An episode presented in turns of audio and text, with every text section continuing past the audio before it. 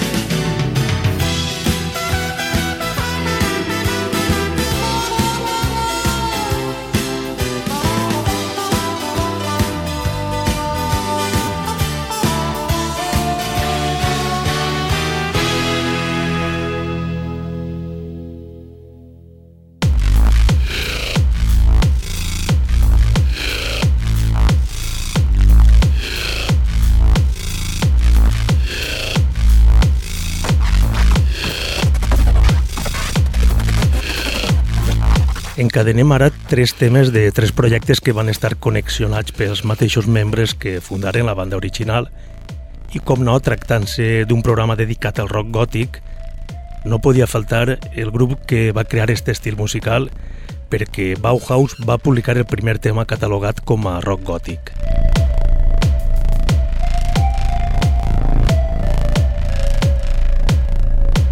Bauhaus va passar primer per diversos processos d'adaptació fins que es va crear tal i com el coneguem. I d'aixòs processos qui va participar foren Daniel Ash i els dos germans Kevin i David Huskies. El so del grup es va acabar de definir amb la incorporació de Peter Murphy a la banda. I encara que molts puguen pensar que es va deure a les aptituds musicals de Peter Murphy, no va ser així perquè Peter eh, no tenia cap noció musical. L'únic que va portar va ser una imatge tètrica basada en les pel·lícules de terror dels anys 30. I a esta imatge feia referència el primer tema que publicaren, Bela Lugosi is Dead. Bela Lugosi és l'actor austro-húngar que va encarnar el famós paper de Dràcula en 1927 i en 1931.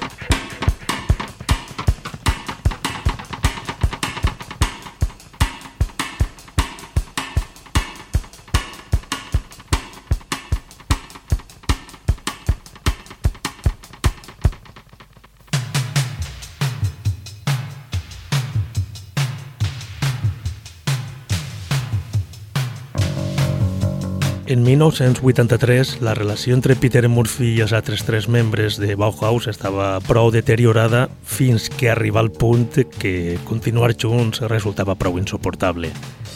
Així que optaren per separar-se i buscar-se la vida amb altres projectes musicals.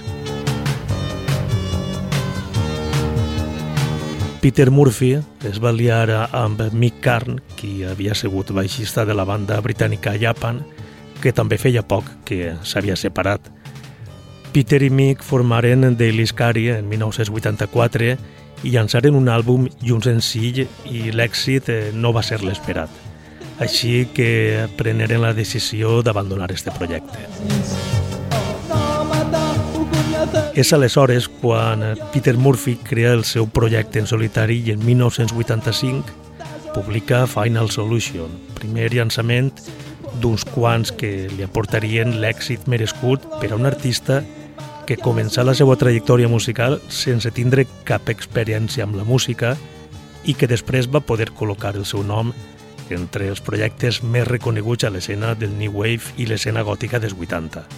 D'este primer senzill, Final Solution, anem a escoltar la pista homònima.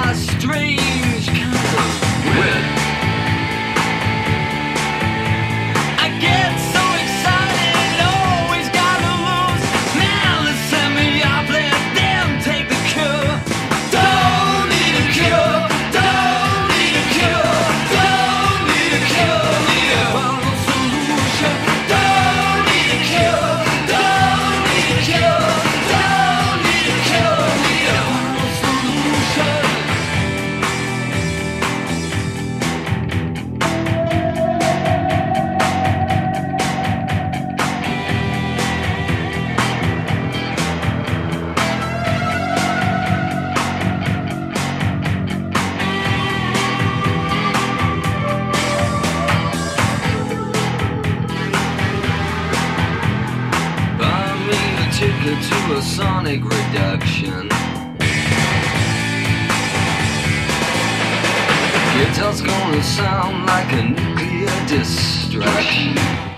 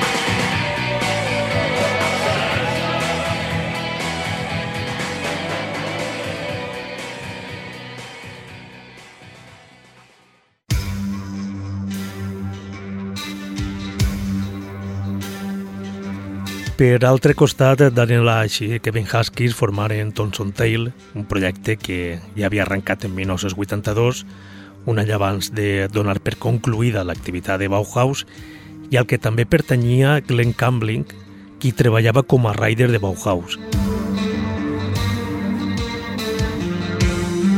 Thomson Tales sí que va tindre una bona resposta de públic i vendes, no obstant, eh, quan David Huskis va decidir unir-se amb Daniel i el seu germà, Thomson Tail va desaparèixer i Kevin, David i Daniel formaren Love and Rockets, una grandíssima banda amb un so únic i molt admirat. Love and Rockets va aconseguir col·locar alguns temes com So Alive en les llistes d'èxits a més de publicar grans àlbums com Express o el que porta el mateix nom que la banda, que és el que inclou eh, So Alive. I amb este últim àlbum ens quedem per escoltar la versió maxi de No Big Deal. Per a mi, el tema que més brilla d'este àlbum, encara que el que va triomfar va ser So Alive.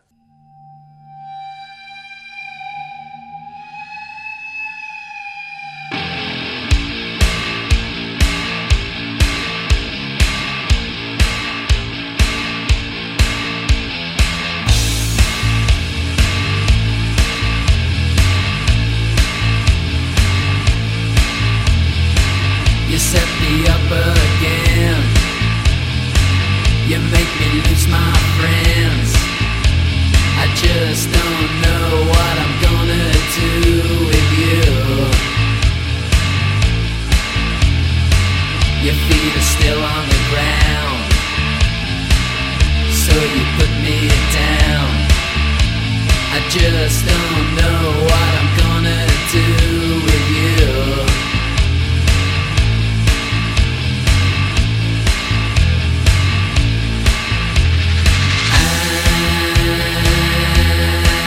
I don't feel you're no big deal big deal. I got into a fight, got into it tonight. I just don't know what I'm gonna do with you. You talk much too loud when you put me down. I just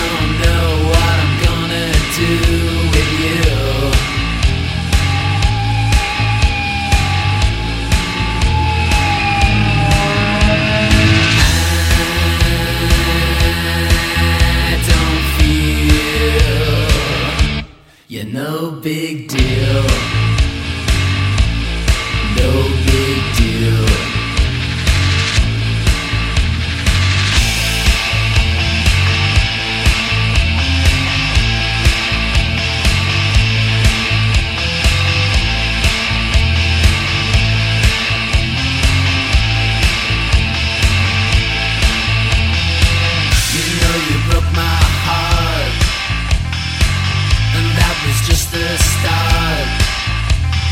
just don't know what I'm gonna do with you. You know you broke my heart.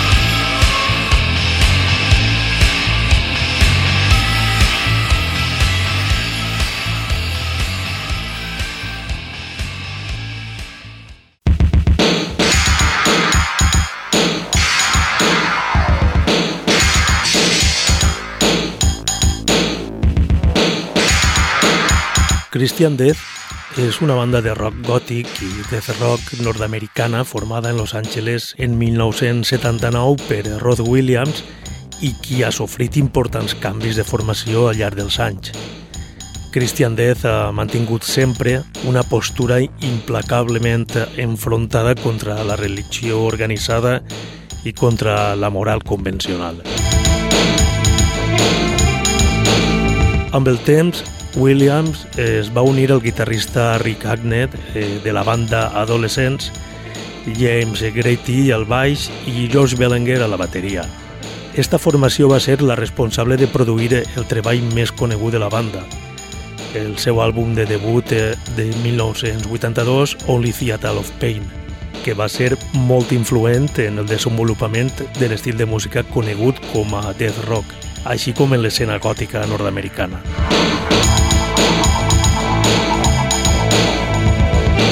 Després del llançament de Only Theatre of Pain, la formació de Christian Death es va dissoldre i es va tornar a formar el 1984 per altres músics, quedant només Rod Williams com a únic membre original.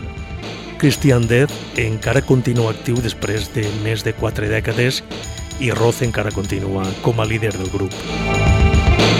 Del seu àlbum debut, Only Theater of Pain, escoltem Cavity First Communion, pista que obre el llançament.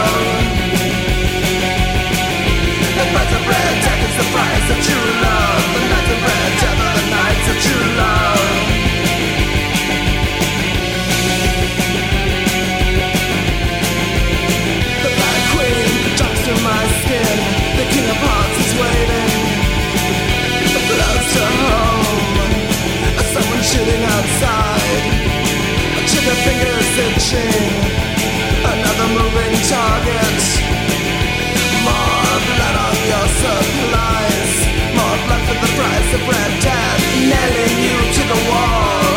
Nailing you to the Spanish mystic. Nailing you to the wall. Nailing you to the wall. Nailing you to the Spanish mystic. Nailing you to the wall.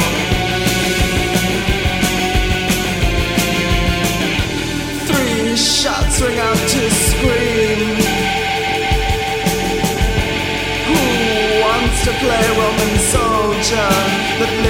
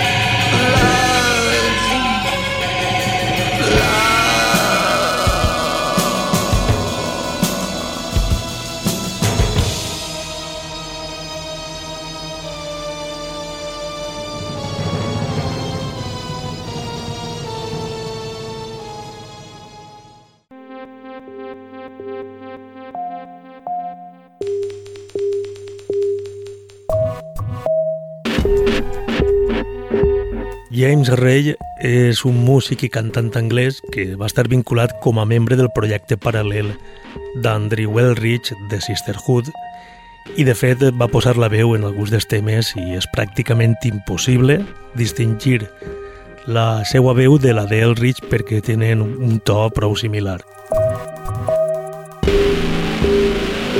James Ray va ser membre fundador junt a Carl Harrison de James Ray and the Performance.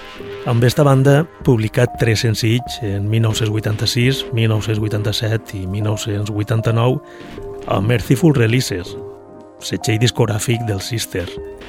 De fet, va ser dels pocs projectes externs que van publicar esta discogràfica, ja que es va crear íntegrament per a publicar els llançaments de la banda de Andrew Wellrich.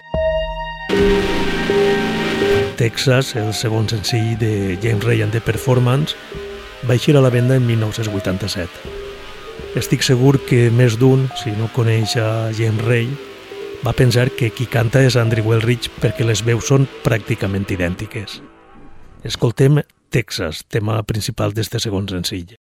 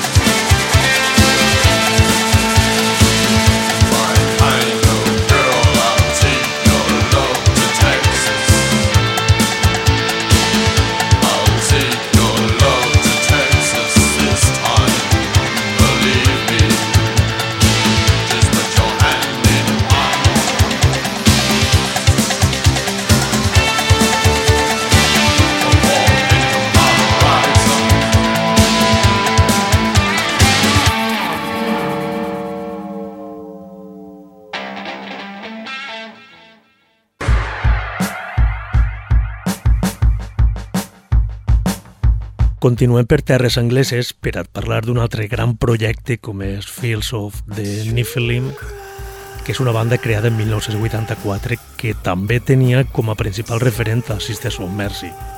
De fet, és prou evident que quan es va formar copiaren l'estil dels Sisters. El peculiar estil de Fields of the Nephilim va anar prou associat també a la seva imatge. Si recordem que Andrew Wellrich solia aparèixer amb un barret o amb un sombrero de cowboy quan eixia a l'escenari, el cas de Fields of the Nephilim és que mesclaren l'estètica sinistra amb la roba tradicional dels vaquers de l'oest i esta va ser la seva firma més particular.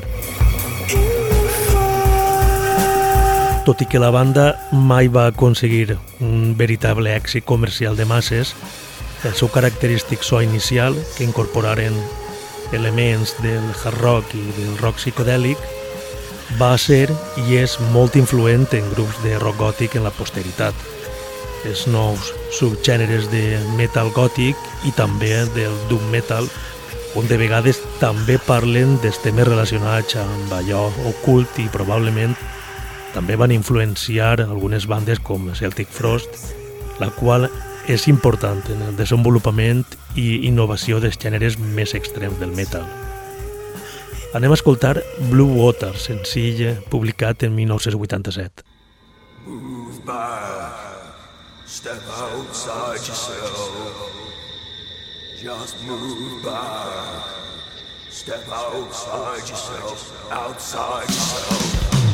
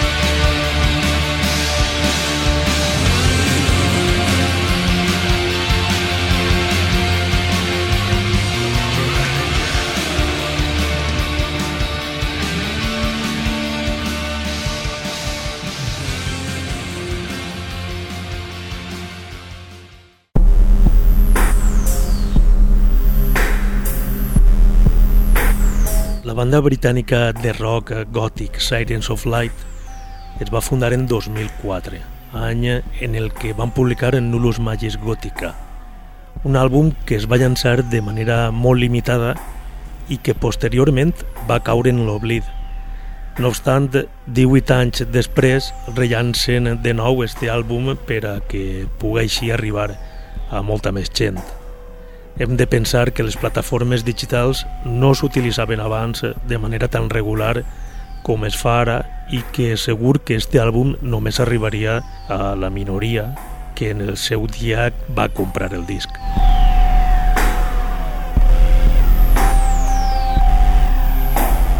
Les influències de Sirens of Light estan basades en l'escena més primària del rock gòtic, així com el glam de Londres dels 80 i 90 i com no per bandes i artistes com Sisters of Mercy, David Bowie, Leonard Cohen, Suder Death Cult, March Violet, Rose of Avalanche i com no també per Bauhaus.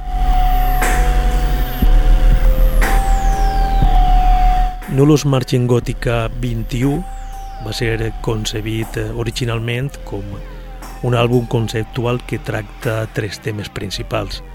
El poder de lo femení, els sistemes de creències i com el ser humà construeix la seva realitat al voltant d'estos conceptes.